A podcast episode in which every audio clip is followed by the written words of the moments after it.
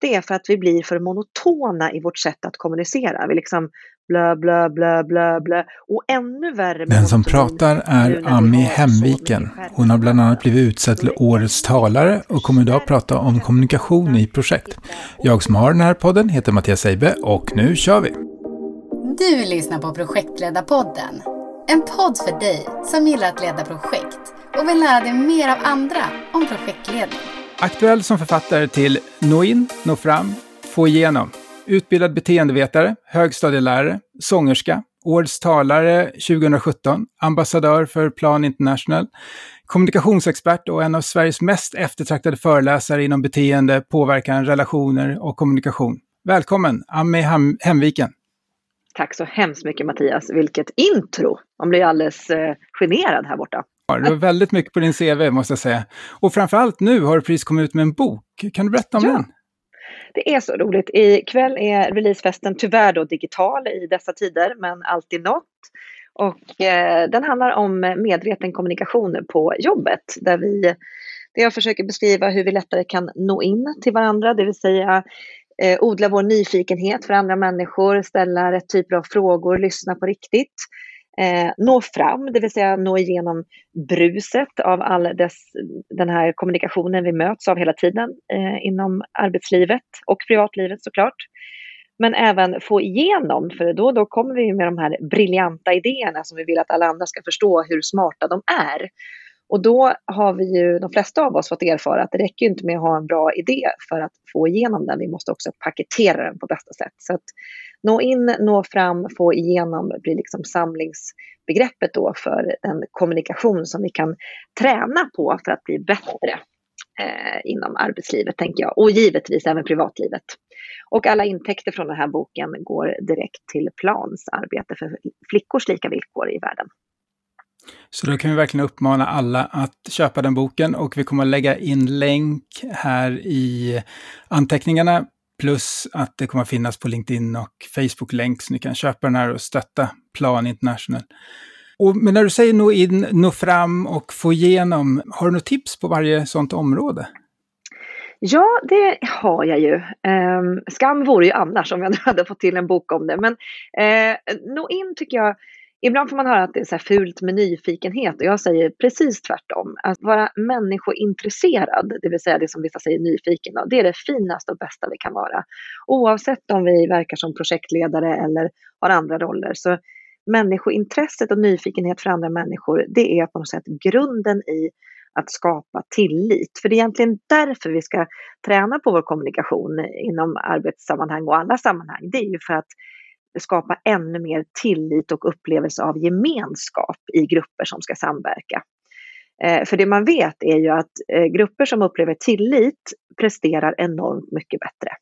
Och det gäller ju både projekt och linjeverksamhet såklart, men det blir ganska tydligt just i projektledning tänker jag, där vi sätter ihop grupper utifrån olika expertiser så ska man ganska så snabbt leverera resultat och då blir det ännu tydligare hur pass viktigt den här gruppdynamiken är och att nå tillit. Så att det första nå in handlar om att våga och vilja visa intresse för varandra som personer, inte bara professioner.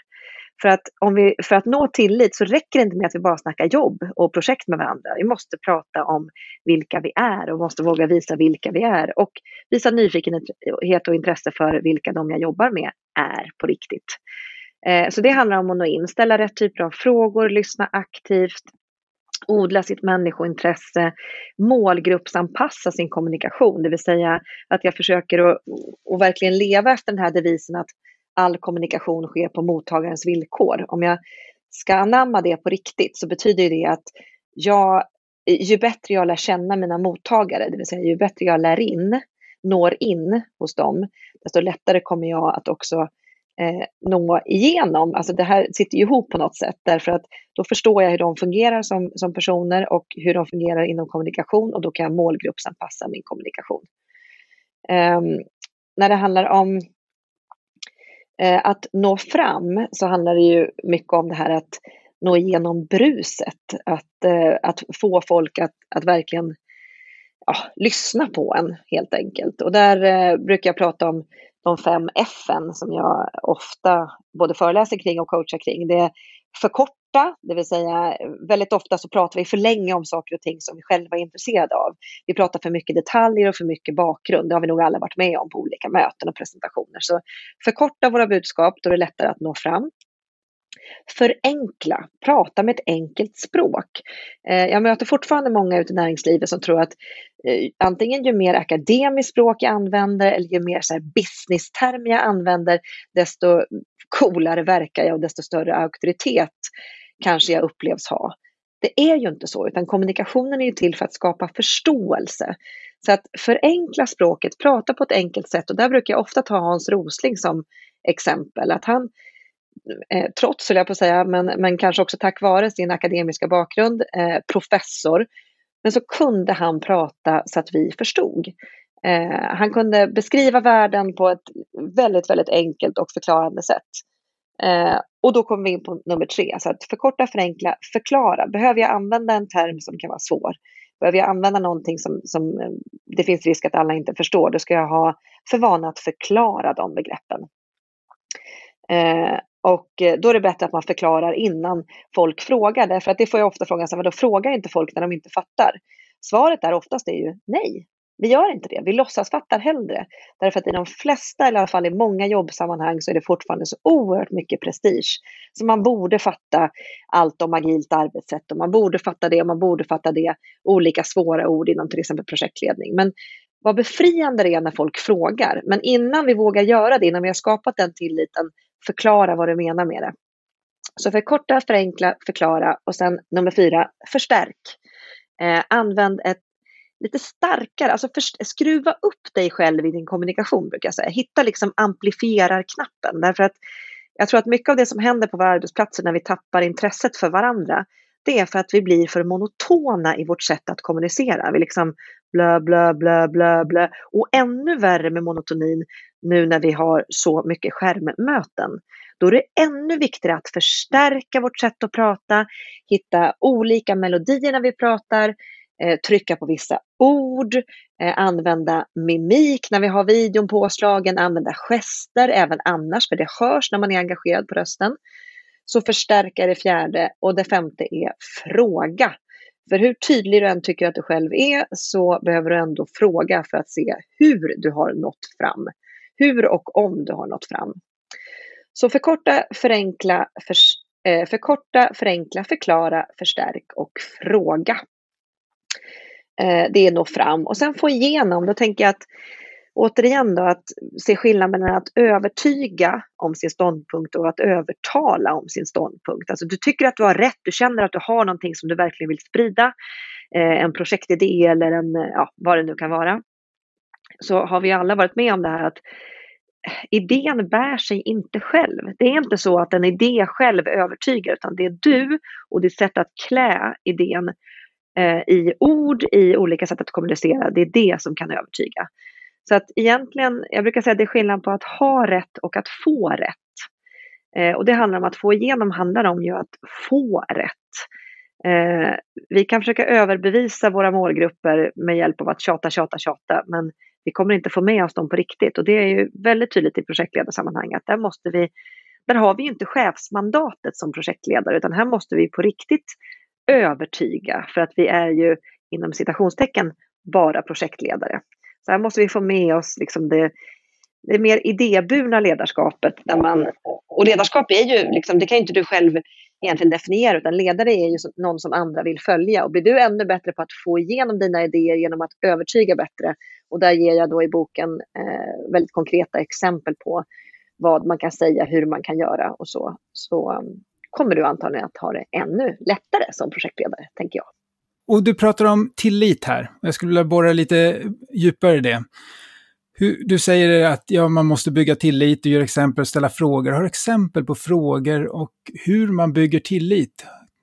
Ja, eh, som jag sa så tror jag att motsatsen till en tillitsfull miljö i arbetslivet eh, är en prestigefull miljö. Det vill säga där jag måste försöka gå runt och hävda mig, min existens, min, hur viktig jag är, mitt berättigande till att få bestämma över vissa saker, mina mandat.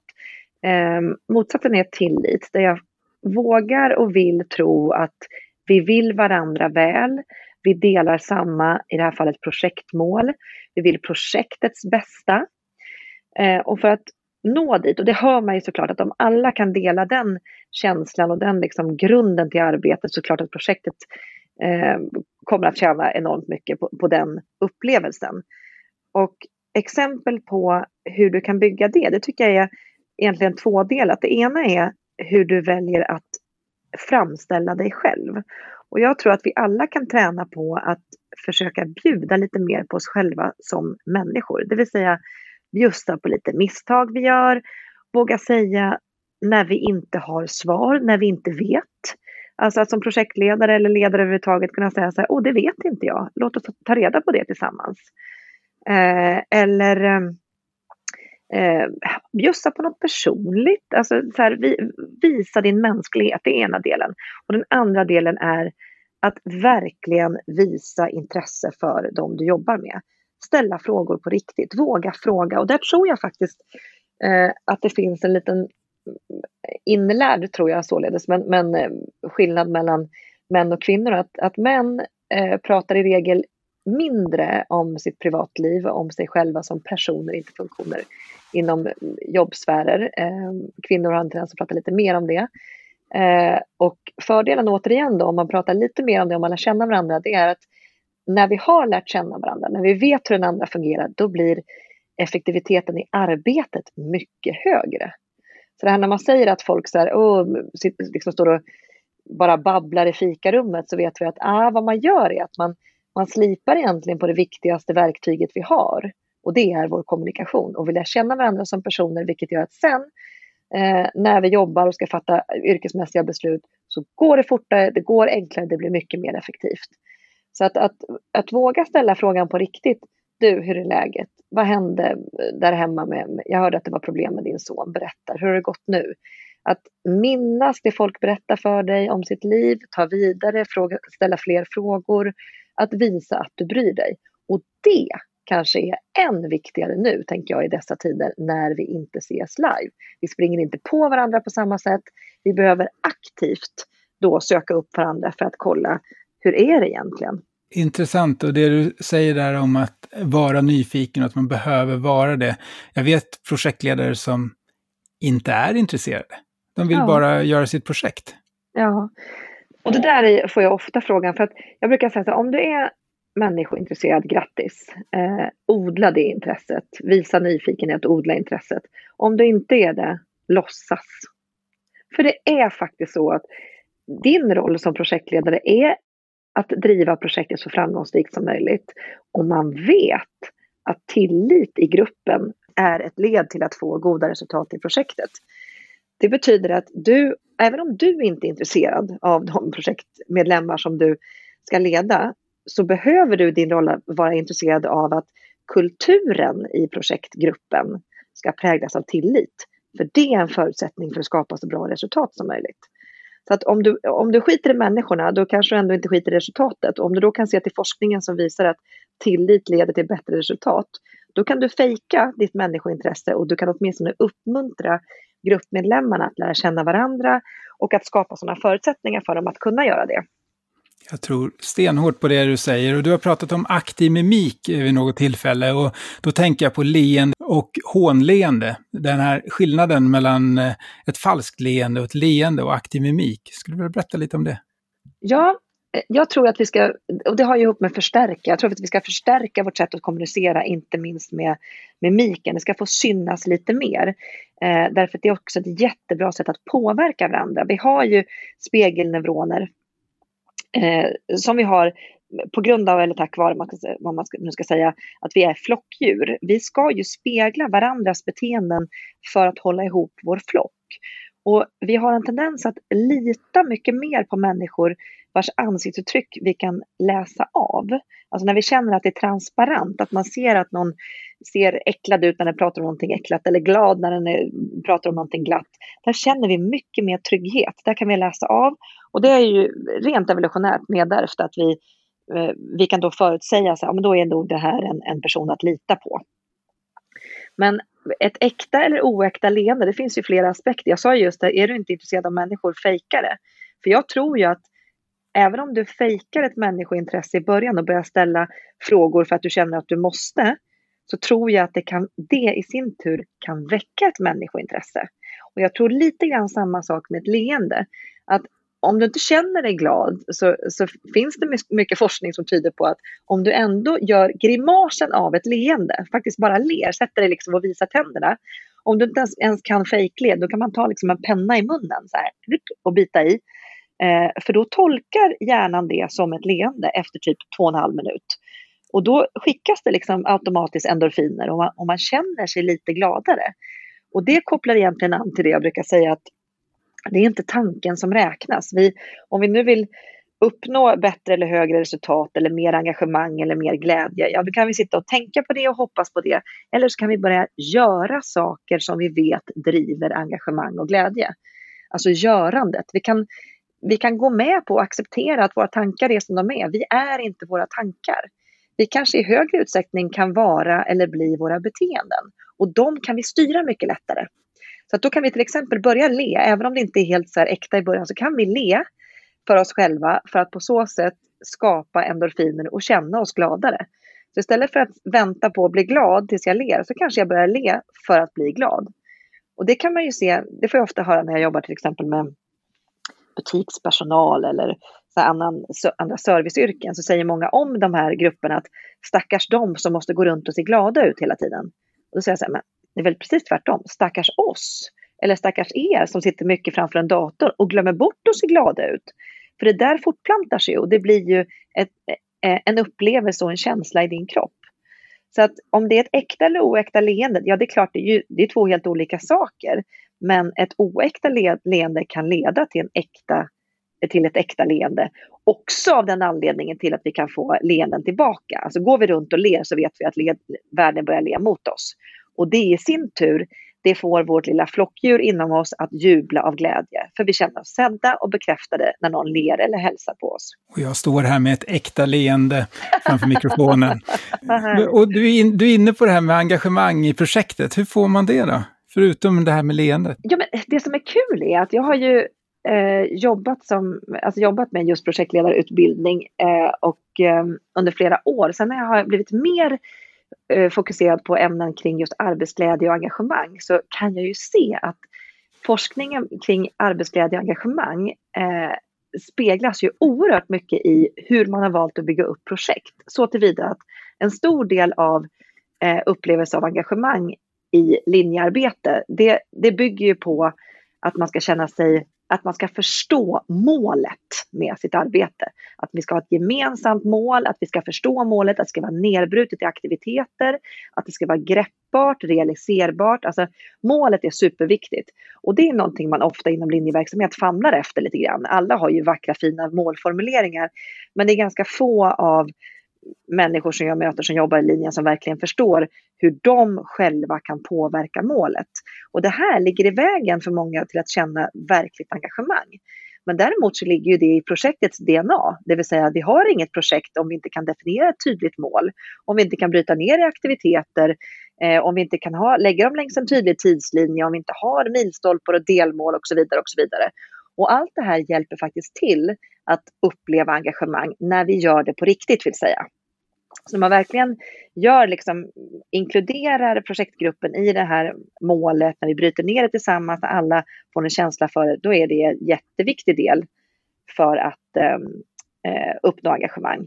Men sen, det är ena delen, det är mål eh, och det, där är det lite check på i projekt. Sen så är det meningsfullhet och där tror jag vi alla jobbat i både projekt vi upplever jättemeningsfulla och sådana som vi upplever mindre meningsfulla. Men det man vet är också att eh, kan man uppleva, eller när vi upplever vårt arbete som meningsfullt, så är det mycket lättare att känna engagemang. Det korrelerar. Eh, men det finns ju också sätt att, att höja upplevelsen av meningsfullhet genom att man faktiskt ställer sig frågan i projektgruppen, vad är det vi gör? Vad kommer det här få för resultat? Vilka hjälper vi när det här är klart? För även inom projekt så blir det ju ganska, ganska så, alltså, man är väldigt inne i detaljer, vi kanske är inne på liksom specifika små saker så vi ibland glömmer bort vad det är vi levererar. Men genom att ibland höja blicken och titta på vad vi verkligen ska göra eh, och vilken effekt och nytta det här kommer få så är det lättare att uppleva meningsfullhet. Så att tydliga mål, meningsfullhet, tacksamhet är viktigt. Och det är också ganska lätt att föra in i projektarbete, att vi, vi försöker att tacka varandra när vi, eftersom allt gott projektarbete utgår ifrån ett, ett samarbete och massa synergieffekter som vi får. Vi kanske, har, vi kanske för in det på vissa av våra liksom projektgruppsmöten, att vi så här, kör varvet runt. Okej, vad är vi tacksamma över? Vad funkar asbra just nu? Så att vi verkligen, för det handlar inte om det här handlar om upplevelser av tacksamhet, upplevelser av meningsfullhet. Och det kan vi hjälpa oss själva och varandra på traven att få uppleva genom att faktiskt sätta strålkastaren på det. Letar vi bara problem så hittar vi bara problem. Och det är väl en av utmaningen inom projektledning, att vi, vi ska ju vara liksom vi ska hitta risker och vi ska eh, förekomma risker och sådär. Och det är ju jättebra. Det är, jag är verkligen förordar det. Men det får inte stå i vägen för att vi också letar rätt. Därför att eh, när vi letar rätt, vi måste också leta rätt. För när vi letar rätt så är det minst lika viktigt för projektets framåtskridande. Därför att hittar vi saker som verkligen funkar, då vill vi göra mer av det. Det vill säga, när vi når ett delmål eller en milstolpe, en beslutspunkt när vi lyckas med någonting, eh, så är det ju jätteviktigt att ställa frågan varför har vi lyckats med det här? Därför att den frågan ställer man ju alltid inom projekt om vi inte lyckas med vissa delmål eller mål. Ja, varför, varför har vi dragit över tiden och varför har vi dragit över budget och varför... Blablabla. Men när vi lyckas så är det minst lika viktigt att ställa frågan varför. För i de svaren, där kommer det ju upp vilka aktiviteter vi har gjort. Jo, vi gjorde så här, vi höll oss till kommunikationsplanen, vi var noga med intressentanalysen, vi gjorde det här, vi gjorde det här, vi gjorde det här. Bra!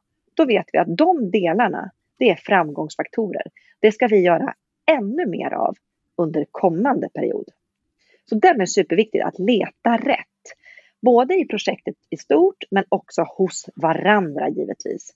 Alltså positiv feedback, det är det enklaste, bästa sättet ever att, att uppnå goda och bra resultat. För det ger också så himla många eh, värdefulla aspekter.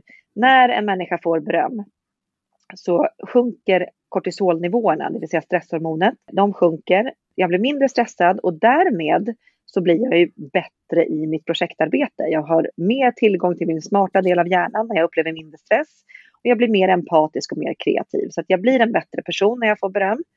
Vad som också händer är att jag får ett litet endorfinpåslag och jag känner mig tydligare som en del i flocken. För återigen, vi är flockdjur. När vi känner tillhörighet i flocken, som man gör i de bästa av världar när vi har en tajt projektgrupp, då blir vi våra bästa jag. Det är då vi blir bra på riktigt. Och det här har ju liksom projektverksamheten förstått. Att när vi verkligen liksom gaddar ihop oss, vi blir en grupp där alla har ett tydligt syfte, alla har en tydlig roll. Vi låter alla få uppleva att de är viktiga. Då blir de viktiga, då blir vi bra. För vi blir bäst tillsammans. Vad som också händer är att när man ger positiv feedback, eh, då får man en liten dopaminbelöning från hjärnan, lite så här glädjespritt.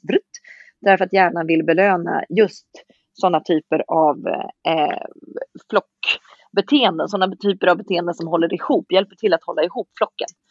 Så att eh, det är massor med bra grejer. Men som sagt, mycket av det som driver engagemang, det har vi redan lite gratis i projektstrukturen. Men vi skulle behöva nyttja och använda det lite mer kan jag känna. Och du nämner återkopplingar, du använder ordet positiv återkoppling och här kan vi diskutera om det finns något annat än positiv återkoppling. Ja, ja. Men, men, men, men den, den, andra typen av återkoppling då, hur, hur ska man göra den? Hur ska man hitta rätt tillfälle för att göra den? Ja, och, och, precis. All återkoppling borde ju vara positiv, som du säger. Jag brukar säga utvecklingsbar på, på den andra, men ja, där kan man väl säga, eller kan man, jag hävdar då, eh, och, och några med mig, att Eh, grunden för att kunna ge utvecklingsbar återkoppling och den ska landa rätt, det är att du ska bottna i en förtroendefull relation med den person du ger återkopplingen till. Alltså att för att den ska landa rätt så måste man känna förtroende för dig till en början. Och hur känner man förtroende för någon? Ja, men där kan man bolla tillbaka till det här med med eh, att, om vi säger plussa någon då, liksom ge beröm säger vi, det är tydligt då, då. Om jag har berömt en person många gånger, om jag har bekräftat och berömt en person många gånger och verkligen sagt att jag uppskattar den och visat det på olika sätt, då bygger jag på, då sätter jag in liksom då, sätter jag, då gör jag insättningar i förtroendekontot varje gång som jag påminner om att den är viktig, att, att jag tycker om den, att den, är, att den gör bra saker, att jag bekräftar personen helt enkelt. Eh, och det måste jag ha gjort minst fem gånger, alltså fem upplevelser måste den personen ha fått att, av att jag tycker att den är viktig och bra. Om min utvecklingsbara eh, feedback eller återkoppling som du säger ska landa rätt hos den här personen. Det vill säga, eh, den måste känna sig trygg med att jag vill den väl. Eh, för som du säger, ja, all, all återkoppling är väl positiv. Ja, om den upplevs så. Om den upplevs som att åh, du säger det här för att du vill mig väl. Men om den inte upplevs så, så är den ju inte positiv. Då kan det ju leda till precis motsatsen till beröm, det vill säga osäkerhet, jag blir nervös, jag blir mitt sämsta jag, jag känner mig kritiserad. det kan ju verkligen landa precis fel. Så att jag brukar prata om fem gånger mer kärlek. Vi måste börja i berömdelen. Leta rätt, liksom boosta på med det. Verkligen så här, åh det här, det här, det här var bra, det här var bra, det här var bra. För att vi ska kunna ge då den andra typen av återkoppling, den utvecklingsbara. Du, till nästa gång, tänk på det här, gör, gör lite mer av det här, ska vi se om, om det får en annan effekt. Och jag tror jättemycket på, du frågar vilket tillfälle och när och hur ska man ge det för att det ska landa rätt. Ja, det första är ju när du känner att du har förtroende i relation, då är det mycket större chans att det tas emot på rätt sätt, att du vill någon väl. Och det andra är ju så här klassiska, så här, när ska man ge utvecklingsbar feedback? Ja, men, eh, inte när personen är stressad eller själv i affekt eller själv ledsen eller arg över att något har gått dåligt, då är det inte bra läge såklart. Utan när personen har tid, när den är lugn, eh, när du upplever att personen är mottaglig. Därför att det är klart att det är ju en del av en projektledares arbete också att återkoppla på saker som inte fungerar. Det, det fattar ju jag med. Och just återkoppling är ju viktigt så tillvida att det är ett sätt att följa upp ett beteende. Ehm, den ena delen i att leda någon, det är att skicka signaler kring okej, okay, här är vårt mål, det här ska vi återkomma tillsammans, här är nästa milstolpe, här är det och här är det och här, nu vill jag att vi gör så här. Liksom. Och så skickar du signaler kring hur du vill att arbetet ska fungera. Så vill du skicka signaler kring hur dina projektmedlemmar ska bete sig, för det är faktiskt beteendepåverkan du försöker få till här då i ditt ledarskap. Och sen så behöver ju du, för att de här beteendena ska påverkas, så räcker det inte med att du bara skickar signaler, du måste också följa upp dem. Därför att bara signaler påverkar inte så mycket beteenden. Och det där kan vi jämföra med till exempel om vi, jag tänker under metoo till exempel, då, då sa ju alla så här, Ja, men på vår arbetsplats här råder nolltolerans av sexuella trakasserier. Det är en signal. Liksom. Och det är klart att alla sa det därför att det är olagligt. Så att alla sa ju det. Samtidigt så, så kom det fram liksom exempel efter exempel efter exempel på arbetsplatser där man säger den signalen. Men sen sker det massa övertramp. Vilket sen inte får några konsekvenser. Och om ett sådant beteende då man säger rätt signal men man ger inga konsekvenser när beteendet inte lirar med signalen. Ja, vad lyssnar eller vad blir eh, medarbetarna mest påverkade av? Signalen eller konsekvenserna? Jo, konsekvenserna. Så genom att inte ge några konsekvenser så har man sagt att den här signalen den gäller inte.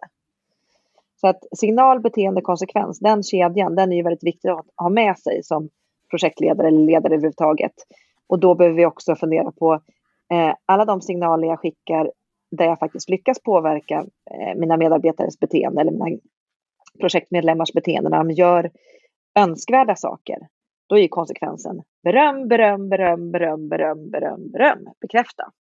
Och sen när de inte gör rätt saker, coacha, eh, hur tänker du kring det här? Och sen så på något sätt ge ge återkoppling då. Du, nu blev det så där igen. Hur, hur ska vi göra nästa gång för att det inte ska bli så? Men det kan vara lite obehagligt att ge konsekvenser och ge den typen av återkoppling. Som projektledare kan det vara lättare att man skjuter det på det och säger att jag tar det vid ett annat tillfälle. Hur ska man hitta mm. rätt tillfälle? Och hur ska man få bort det obehaget? Ett sätt är ju att försöka avdramatisera det så mycket som möjligt. Att så med ganska lätt ton. Alltså, jag tror att ibland så tänker vi så här, åh, nu ska vi ha ett feedbacksamtal välkommen in på mitt kontor och så blir det väldigt dramatiskt. I den bästa av världar så är ju det här, alltså vi ger varandra bekräftelse och beröm hela tiden, vi vill varandra väl och då kan vi också så här, du, fasen nu blev det sådär tokigt, nu, nu fick du en återkoppling för sent där. Eller åh, nu, nu hade du tydligen glömt att svara på det här mejlet, kan inte du svara på det nu direkt för det, det blev inget bra. Alltså försöka få till en ganska odramatiskt sätt att kommunicera kring det. Eh, det tror jag är ett sätt. Och ja, en annan är väl så här att man ska ju säga att man ska ge oh, utvecklingsbar feedback eller återkoppling i rätt tid, säger man. Men precis som du säger, att det här i rätt tid, ja, när kommer den då? Risken är att jag skjuter upp allting och sen kanske när projektet är slut, då har jag en lista på liksom 28 punkter som jag inte varit nöjd med, som jag då säger, och det här och det här och det här och det här, och i värsta fall säger jag inte ens till projektmedlemmen själv, utan jag vidare rapporterar bara till projektmedlemmens linjechef, eh, som får en 28-punkterslista kring liksom, hur missnöjd jag var. Och jag har således inte gett den här personen en chans att utvecklas. Så att om, på så sätt så är ju löpande återkoppling, både det här berömmet men också det här, åh kan vi inte försöka jobba på det här sättet istället? Du, vad säger du om det här? är ju mycket snällare och schysstare mot alla inblandade än att vi skjuter upp det tills vi antingen levererar världens längsta lista till individen själv eller till hens chef. Och jag kan uppleva att man ibland gör det lite för komplicerat. Man har gått någon kurs i någon feedback-trappa och man har de åtta stegen eller de fyra stegen och man tänker igenom det, hur det ska gå till och då är tillfället förbi. Har du några tankar Exakt. kring det? Ja, jag tror precis så. Och det var det lite grann jag menade med det här avdramatisera.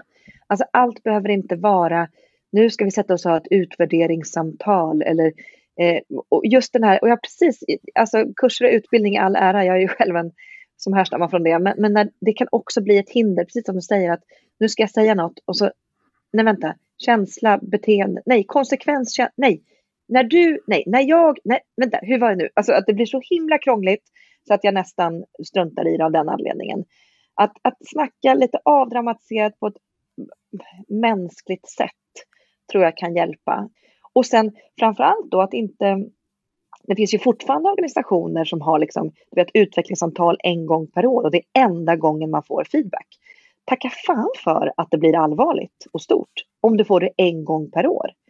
Men när vi kan få in det lite då och då, när vi bara liksom, och inte bara från ledare till medarbetare, utan när vi som medarbetare och kollegor tillsammans uppskattar varandra och tillsammans eh, liksom puffar för vissa beteenden och säger så åh snälla nästa gång kan, kan inte du lägga de där grejerna där istället för jag hittar inte om det ligger i den mappen. Ja ah, absolut. Alltså får vi in det där så behöver det inte vara så stort, det kan det bara vara ett sätt att leva ihop, ungefär som en familj när den funkar bra. Och någon gång kommer man bli ledsen för någonting och ja, men då får man väl lika gärna säga det. Alltså, då får man återkoppla på återkopplingen. Och säga, Åh, ditt sätt att säga det där, det gjorde mig ledsen. Och nej, gjorde det! Fasen också, hur ska vi göra nästa gång när det kommer upp någon sån grej? Ja, vad tycker du? Kan vi säga på det här sättet? Ja, jag vet inte. Fast skulle nog hellre vilja att du eh, mejlade. Jaha, okej. Okay. Alltså, eller vad det nu kan vara. Det är så olika vad folk gillar. Men tänk vad fint om man bara kunde ha det lite mer avdramatiserat, enkelt. Men vem är jag att säga det? Jag är ju själv skitdålig på att ta emot liksom, utvecklingsbar feedback. Jag är svindålig på det. Så att eh, jag, jag är en sån som verkligen liksom kan gräva ner mig. Och och där måste man väl också, just det, det är också en grej så här, vad, ibland tycker jag att folk använder ordet feedback eller återkoppling lite fel, när det egentligen bara är en åsikt. Alltså, vi är så vana vid att oh, feedback är så fint, man ska ha en feedbackkultur och så blandar man ihop det med att man har en åsikt om någon eller om en person. Liksom. Feedback ska ju vara återkoppling på ett beteende som, som är relevant och som ska vara föränderligt, alltså man, man ska kunna förändra det. Ibland kan ju jag som föreläsare liksom en ganska utsatt roll på visst sätt. Ju, för alla känner eller tycker någonting om mig när jag står på en scen till exempel. Då kan jag bli utsatt för ganska mycket åsikter faktiskt. Att du till nästa gång, jag tror att du ska tänka på dämpa dig själv lite och vara lite, liksom, lite försiktigare och kanske inte riktigt lika burdus eller använd humor mindre. Jag får åsikter kring hur man har uppfattat mig och, och mitt sätt att leverera ett budskap. Och Eh, det är ju inte riktigt återkoppling på det sättet, utan det är en åsikt kring hur han, för jag säger han, för det är oftast han som säger sådana saker, det är en han. Men, men det handlar om kanske en personlighet hos mig, mitt sätt att framföra någonting och där måste jag så också, när jag tar emot det, försöka fundera på, okej, okay, är det som föreläsare och som ledare, ska man försöka nå eh, på något sätt en eh, ah, eh, mitten av en normalfördelningskurva. Det kommer alltid finnas folk på varsin sida som tycker att man är för mycket eller för lite av något. Men du som ledare eller jag som föreläsare behöver ju nå någon, någon typ av kritisk massa. Så att så länge det inte liksom att alla tycker att, eller jättemånga tycker att jag använder för mycket humor eller jättemånga tycker det, så är det faktiskt bara en åsikt. Och där tror jag också man som ledare behöver, eh, alltså som, som projektledare är ju också utsatt, det är också att vara på scen. eh, du iakttas i vad du gör och hur du kommunicerar, hur du leder. Eh, då kommer du också utsättas för både åsikter, och du ska ta emot såklart, men du ska också vara duktig på hur du värderar det här.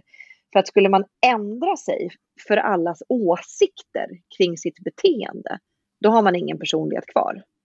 Utan där måste man försöka fundera på vilken är min ledarstil, vad vill jag inte frångå? Eh, vad har gjort att jag har tagit mig till den här positionen som projektledare? Ja, men det är de här kriterierna. Det kanske är mitt sätt att använda humor och det kanske är, ja, vad det nu kan vara, några olika steg. Så här, det här är det som, som jag har som grund, några olika pelare som jag står på. De delarna vill inte jag förändra.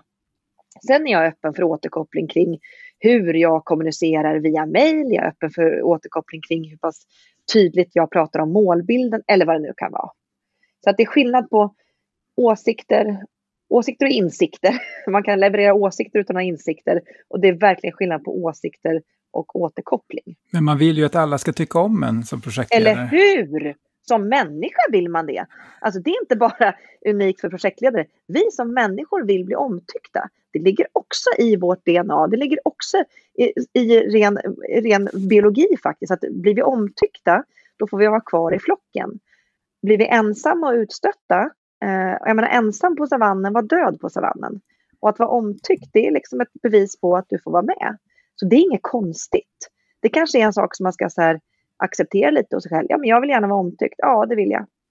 Men vi får heller inte glömma så här, hur blir man omtyckt? Ja, det är inte genom att vända kappan efter vinden för alla som tycker och känner och vill något, utan det är ju att också stå kvar i sin värdegrund, stå kvar för sitt sätt att se på projektledning, sitt sätt, sin, eh, sin attityd och sin värdegrund. För att säger vi ja till alla så blir ju det heller inte snällt och vi blir inte omtyckta i längden. Så att ja, vi vill bli omtyckta och det är inget fel med det. Men vi måste fundera på hur vi kan bli det och hur vi kan skapa resultat tillsammans så bra som möjligt. Och här kan det vara lite skillnad mellan att agera i projekt eller i linje. För i ett projekt då kan man välja att tassa runt någon som är viktig för, för projektet men har ett dåligt uppförande. Men man vet att när det här är över så har jag ändå lyckats med mitt projekt. Hur tänker du kring det här? Mm. Jag tror att man gör rätt mycket av det i linjen också runt tassandet faktiskt. Och, och hitta liksom vägar runt och, och, andra samarbetsformer. Det är ju inte ultimat. Alltså, vi får ju aldrig till det bästa samarbetet och därigenom det bästa resultatet. Det får vi ju inte om vi gör så. Alltså jag tror ju på öppenhet i kommunikation. Jag tror att vi ska försöka vara så transparenta det bara går. Jag tror vi ska försöka referera till oss själva som mänskliga i det sammanhanget och tala om hur vi upplever och känner olika beteenden då för att försöka nå fram till den här personen eller personerna. Och det är jättelätt att säga eh, och svårare att göra, det är såklart, jag är medveten om det, men, men det enda om vi vill ha det ultimata samarbetet och det bästa resultatet, då behöver vi orka och våga ta tag i de här sakerna. Jättebra. Och är det okej okay att vräka ur sig vad som helst för att rensa luften då? Och när ska man ta en konflikt egentligen? Första frågan, absolut inte. Det är absolut inte okej att vräka ur sig var som helst. Därför att vi människor påverkar varandra jättemycket. Vi är varandras arbetsmiljö. Vi får aldrig glömma att, att vi är beroende av varandra. Eh, och, och, att vi är faktiskt i samma flock. Och att de här orden vi kan säga i affekt, det kan skada enormt mycket. Så första svaret är absolut inte. Det är inte alls okej att vräka ur sig vad som helst. Eh, personangrepp är aldrig okej. Och det är ju precis anknutet till din följdfråga, när ska man ta en konflikt? För att när det här händer, för det händer ju då och då att folk vräker ut sig elakheter, Eh, det är ju när de själva är i affekt. De är själva stressade, arga och i affekt. Då är det sämsta tidpunkten att ta upp saker och ting. Alltså när du upplever dig själv verkligen i affekten, du känner dig asförbannad, förnärmad, frustrerad, irriterad, uh, sådär, då är det sämsta tillfället att ta upp saker och ting. Eh, det du kan göra då är att du skriver ett mejl som du inte skickar till personen utan skickar det till dig själv, du själv som avsändare. Skriv av dig om du behöver göra det. Lite rörelse, det vill säga gå ett varv runt kvarteret. Vad du försöker göra nu det är att du försöker få kontakt med din smarta och empatiska del av hjärnan igen. Därför att det är den som stängs av när du blir som argast och mest i affekt och stressad rent eh, biologiskt så stängs liksom frontalloben av Det är frontalloben, du har din empati, eh, du har din kreativitet och du har liksom ditt smarta tänkande. Det stängs av och istället börjar du tänka med reptilhjärnan långt bak. Och här, vill du liksom, här går du in i ett överlevnadsmode, en överlevnadsinstinkt. Och här, det är därför din aggression kommer ut och du vill liksom förgöra din motståndare. Och då säger du grejer som är elaka och inte okej. Okay. Så att både för att rädda dig själv från att göra de här dumheterna och för att eh, rädda din eh, projektgruppsmedlem eh, eller din kollega, eller familjemedlem för den delen, håll tyst. är ett jättebra förslag då. Säg inget just då. försök att lugna ner dig. Och det är ganska intressant det här med att räkna till tio. Det är ju sådana här klassiskt. Räkna till tio innan du säger något och, och nu försöker man räkna till tio. Det finns faktiskt en anledning till att man ska försöka göra något intellektuellt. Nu inte räkna till tio jätteintellektuellt svårt, men försök gärna att göra något lite svårare intellektuellt. Kanske alltså, räkna ut något eller, eller räkna från tio och neråt eller något sånt där. Eller från hundra och neråt. Därför att vad du gör då det är att du tvingar fram tankeverksamheten i frontalloben igen. Så att du inte är där bak i liksom, reptilhjärnan. Bra tillfälle är alla tillfällen när du själv är lugn och inte i affekt. Hur gör jag då när jag ska framföra, vi var inne på det lite grann med återkopplingen, men vid det här tillfället, är ju risken är ju att vi kommer i konflikt då, igen. Jag skriver lite grann om det i min bok, den här eh, klassiska non-violent communication. Att, eh, det man ska försöka göra det är att ta upp det då igen och så man, vet man att den här personen kanske blir arg igen. Eh, det finns lite verktyg jag kan använda för att försöka få ner aggressiviteten liksom, i, i samtalet. Att prata, hänvisa till sina egna känslor och upplevelser. Att inte säga jag har rätt och du har fel. Ja, det finns ju massor med sådana så konkreta eh, tips. En del av att leda är ju också att vara att, att, att våga, att vara modig, att visa att ja, men jag är ledare för att jag är lite modigare. Jag vågar ta de här sakerna och så får man väl vara supersnäll mot sig själv då får eh, hälsa den här kompisen att man får liksom belöna sig själv för att det är inga roliga samtal och det är inte alltid liksom givande och det kan bli affekt igen och sådär. Men att vara beredd på det och att själv försöka använda en så icke-aggressivt sätt att kommunicera som möjligt. Att eh, referera till sina upplevelser, till sina känslor och jag brukar, det kan låta lite föreläsningsklyschigt men jag brukar prata om det här med att det som är självklart för dig är kanske just klart för dig själv, men inte för den andra personen. Alltså, så att uppdraget här blir att skapa någon sorts vi-klar eh, uppfattning av situationen. Okej, okay, hur kan vi se det här, inte på exakt samma sätt, för det kanske vi inte lyckas med, men på ett liknande sätt. Och så får, får båda försöka beskriva då sin syn. Men ja, ofta när det är något sånt här, när, man, när det blossar upp igen och det blir igen och igen, så kan det vara någon underliggande konflikt. Alltså väldigt ofta så är det så här att det vi, det vi pratar om kanske inte är kärnan. Vi brukar prata om att skala löken, att komma in liksom på, är det någonting annat som ligger till grund för det här? Är det något annat som, som ligger i vägen? Är det en, är det en rollkonflikt? Är det en målkonflikt? Är det, alltså finns, det, finns det någon annan grej som ligger i det här? När det är något sånt som blossar upp om och om igen så tycker jag att det ofta är det faktiskt. Sen kan man ju också ta hjälp av eh, en neutral part. Alltså man, vet man att det här kan bli ett jätteinfekterat samtal, då kan man faktiskt ta hjälp från någon som, som, in, som är helt neutral, som inte har någon sida. Så man bara, Åh, skulle du, som man har förtroende för kommunikativt.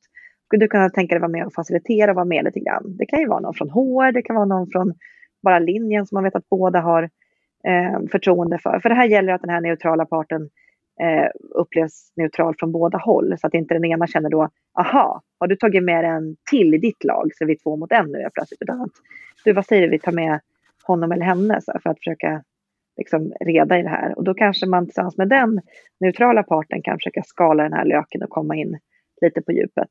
Väldigt bra tips. Så när du berättar om det här, då, då tänker jag lite grann att projektledning, det är nästan detsamma som kommunikation. Vad ja. tänker du? Jo, men precis. Alltså, det är ju det, apropå det här att du, du har inte det formella chefsmandatet, eh, utan du ska leda, styra, nå uppsatta mål utifrån eller med hjälp av egentligen bara din kommunikation. Det är egentligen bara det du har. Ja, du har ju resurser att tillgå, men, men alltså, sen är det ju så här, hur kommunicerar du med dina olika resurser och eh, det är egentligen samma, jag håller med. Jag håller med. Det handlar om din kommunikation och där blir det så tydligt just det här att du kan du kan kunna jättemycket som projektledare. Och, och det där vet jag, det har jag, jag har ju föreläst lite, lite grann på PMI och sådär. Det man ofta kommer tillbaka till där, det är att vi har ju så oerhört kunniga projektledare i Sverige. Man kan så himla mycket om strukturen projektledning. Man kan om olika arbetssätt, man kan om strukturer, man kan om verktyg, vi kan om eh, tidplanering. Alltså vi kan så oerhört mycket, vilket är asbra. Det är jättebra att kunna mycket. Men det räcker inte för att kunna leda. Och, och där brukar jag säga att kunskap kanske inte är makt. Och när jag säger makt, då tycker många, men vadå makt, det, det känns ju fult. Eh, vi är så ovana vid det uttrycket i Sverige. Men om vi säger förmåga att kunna påverka istället för makt. Så, men kunskap, det är en hygienfaktor brukar jag säga. Du som projektledare, du måste kunna projektets struktur och tidplanering och allt detta. Det måste du kunna. Det är, liksom, det är en hygienfaktor. Det är basic. Men för att kunna leda på riktigt och få riktigt bra resultat, kunna leda människor, så handlar det om kommunikation. Eh, så att kunskap kanske inte är makt. Det räcker inte med att vara bäst på allt som har med den strukturella projektledningen att göra för att du ska nå bäst resultat, utan du behöver kunna paketera den här kunskapen på ett målgruppsanpassat sätt. Så därför är kanske kommunikation det som många av oss, både projektledare och andra, behöver träna på ännu mer för att nå ännu bättre resultat. Och utifrån det du har berättat om här tidigare så kanske det är så att istället för bara träna på att göra en VBS, att vi även ska träna på att vara närvarande? Ja men exakt.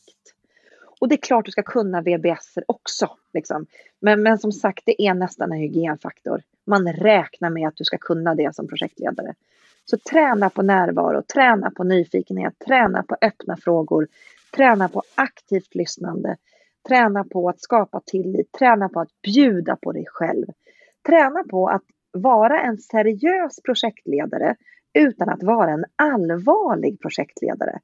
Bara i och med det tror jag man kan komma långt. Att, att förstå att du behöver inte vara flamsig och oseriös. Du ska vara seriös men levande samtidigt. För då kommer du få med dig många fler människor. Och du kommer få upp engagemanget mycket mer bland människorna. Så att deras tid fylls med mycket mer engagemang, därigenom mer resultat. Kan du ge några tips på de första övningarna jag skulle kunna göra för att bli den här nya projektledaren? Tänk att empati, alltså empati är någonting vi kan träna upp faktiskt. Eh, att försöka träna upp dina nyfikenhetstankar och empatiska tankar kring alla de du möter. Ställa fler frågor, lyssna aktivt på svaren, det vill säga, där har vi barn, jag vet inte, många av oss har barn, jag har fyra stycken, de är ju jättebra på att just ge direkt återkoppling när man inte är närvarande. Och det är ju svinbra och då träna närvaro på barn, tänker jag. Lyssnande inte minst, när någon berättar om sin dag i skolan. Lyssnar man på riktigt, om man inte gör det, då säger de till direkt. Men du lyssnar inte mamma! Eh, och de har ju alltid rätt när de säger så. Man bara, eh, jo, eh. men man gör ju inte det då om de säger så. Men tyvärr är det så att våra kollegor eller projektdeltagare, de säger ju inte till på samma sätt om de inte upplever sig själva lyssnande på. Utan de, här, ja, de tystnar då istället för att säga till. Så att, att träna närvaro i att träna på att lyssna, att träna på att kanske visa mer mimik, skämta lite mer. Jag tror att det kan vara så lätt. Liksom, att herregud, jag brukar säga att vissa saker är så pass allvarliga så man måste skämta om dem. För där kan jag också uppleva att vissa säger så här, men ja, men eh, i det här PK-samhället som Sverige har blivit, där vågar man inte skämta om någonting längre. Och då blir jag bara så himla trött där, för att det skulle på något sätt säga att tidigare fick man skämta om, om folkgrupper och kvinnor hur man ville, men nu får man tydligen inte det. Alltså det har ju aldrig varit roligt, så det kan vi strunta i från början. Men det är klart att vi kan skämta. Och, och som ledare så är det så himla härligt att då har man ju verkligen alltid, eller som människa kan man säga, så har man alltid någon person vi kan driva med precis hur mycket som helst. Och det är helt ofarligt, nämligen sig själv. Så att, att kunna driva lite med sig själv för att på så sätt liksom öppna upp för ett mänskligare samarbete och för en djupare relation. Det är också ett bra sätt att börja, kan man börja med direkt. Liksom. Slappna av, driv med dig själv. Det är inte så jäkla allvarligt. Det kan vara seriöst, men det behöver inte vara allvarligt. Och hur mycket ska jag då anpassa mig till de jag kommunicerar med? Man brukar prata om målgruppsanpassad och liknande. Jag är ju den jag är. Just det. Det där är jätteviktigt. Därför att eh, den här devisen att all kommunikation sker på mottagarens villkor. Det är ju grunden i all kommunikation. Det vill säga att mottagaren får alltid företräde, tolkningsföreträde. Eh, så att om mottagaren, om dina projektgruppsmedlemmar tycker att du är otydlig, så är du otydlig. Oavsett hur tydlig du tycker dig själv har varit. Om mottagarna tycker att du, är, att du inte är rolig så är du inte rolig och så vidare och så vidare. Det betyder ju att jag behöver lära känna mottagarna och jag behöver faktiskt anpassa mitt sätt att kommunicera för att nå fram. Däremot när du säger så här, jag är ju den jag är. Ja, du är den du är så tillvida du ska aldrig frångå din värdegrund, det du står för, ditt sätt att se på projekt och så vidare. Det, det ska du inte frångå. För då blir du ju ingen person till slut. Då blir man ju en sån här, jaha, när tycker du så? Men då tycker jag också så, tycker du så? I. Men däremot ditt sätt att paketera dina idéer, din kunskap, eh, ditt ledarskap, det behöver du kunna anpassa utifrån vem du ska möta om du vill nå framgång. Alltså det, det, är helt, det är helt centralt i all kommunikation. De som inte anpassar sig någonting utifrån de de möter, de säger ibland om sig själva så men jag är bara mig själv, jag är som jag är, jag är bara mig själv, jag är bara rak. Eh, och så bara liksom levererar de lite olika stolpar och är precis likadana oberoende av vem de möter. Och då brukar jag svara, du är inte bara rak, du är socialt inkompetent dessutom. Därför att det handlar faktiskt om att kommunikation handlar om ett möte där vi behöver anpassa oss efter varandra. Och det är ju som en dans det här. Det är ju det är inte enkelt, men det är helt nödvändigt att träna på den här dansen. Därför att det finns inga jobb och inga projekt du kan leda utan att bemästra den här dansen. Det är en sak som är säker. Hur ska jag då läsa av om jag når fram i min kommunikation? Alltså läsa av mimik och kroppsspråk eh, hela tiden. Men sen finns det ju ett superbra verktyg. Fråga. Alltså att ställa rätt frågor. När du, eh, så här, du, hur tänker du kring det? Hur skulle du uppfatta den informationen? Vad är det första du tänker göra utifrån det här mötet? Ja, de typerna av öppna frågor när vi ber folk svara på hur de har tolkat det du har sagt eller kommunicerat. Det ger ju dig facit på om du har nått fram eller inte. Det är ju jättesmart. Då behöver du inte försöka gissa och förstå. Har jag något fram eller inte? Fråga. Och ställ då inte frågan, har ni fattat? Är alla med? Därför då kommer ju alla säga ja. Utan hur har ni förstått det här? Vad kommer ni att göra härnäst? Skriv ett mejl till mig med tre punkter kring era slutsatser utifrån det här mötet. Alltså, så enkelt, men be om återkoppling i form av att ställa öppna frågor eller eh, just när berätta eller beskriv uppmaningar. Det är jättebra tips det där med att fråga om hur. Och då kommer vi in lite grann på det där med hur jag ska kunna se alla i projektet. Projektet är ju tillfällig organisation. Jag försöker bygga min tillit, jag har jättemycket att göra som projektledare och sen vet jag hur viktigt det är att se alla. Ja, det är jättesvårt också, men, eh, men absolut centralt och jätteviktigt. Um, alltså det här med människointresse är ju så här, är du intresserad jättebra, är du inte det, eh, då kanske du behöver ta hjälp av lite anteckningar. Det tipsar jag faktiskt många ledare om att vid, projektled, vid projektuppstart, se till att du såklart har namn på alla, du ska kunna namnet på alla. Eh, lär dig några saker om eh, personens privatliv. Det behöver inte vara mycket, men lär dig några saker. Skriv ner det här om du behöver göra det. Nu vet jag att vi har PUL och GDPR och allt sånt, men skriv ner om du behöver så du kan ställa följdfrågor om det. Eh, för att vissa Eh, människor och projektledare, jag har hört att även projektledare är människor, men, men vissa har ju den här tendensen att de är jättesocialt skickliga och bekräftande i första mötet. Att man liksom är ganska karismatisk och man, man, låter, alltså man får alla att känna sig sedda och bekräftade. Men tyvärr så är det ett ganska ytligt möte som får till följd att man inte kommer ihåg vad personen har berättat för en sen. Så man ställer samma frågor igen. Du kan känna igen det med det här med liksom, hur var semestern? Eh, och så får man berätta om det. Och sen så nästa gång vi ses, du, hur var semestern? Eh, jo, som jag sa så var, alltså att då, om jag vet med mig att jag är dålig på att komma ihåg vad folk svarar, skriv ner lite så du sen kan ställa en följdfråga. Du, hur gick det med er stuga och den där eh, vattenläckan? Eh, har det löst sig nu?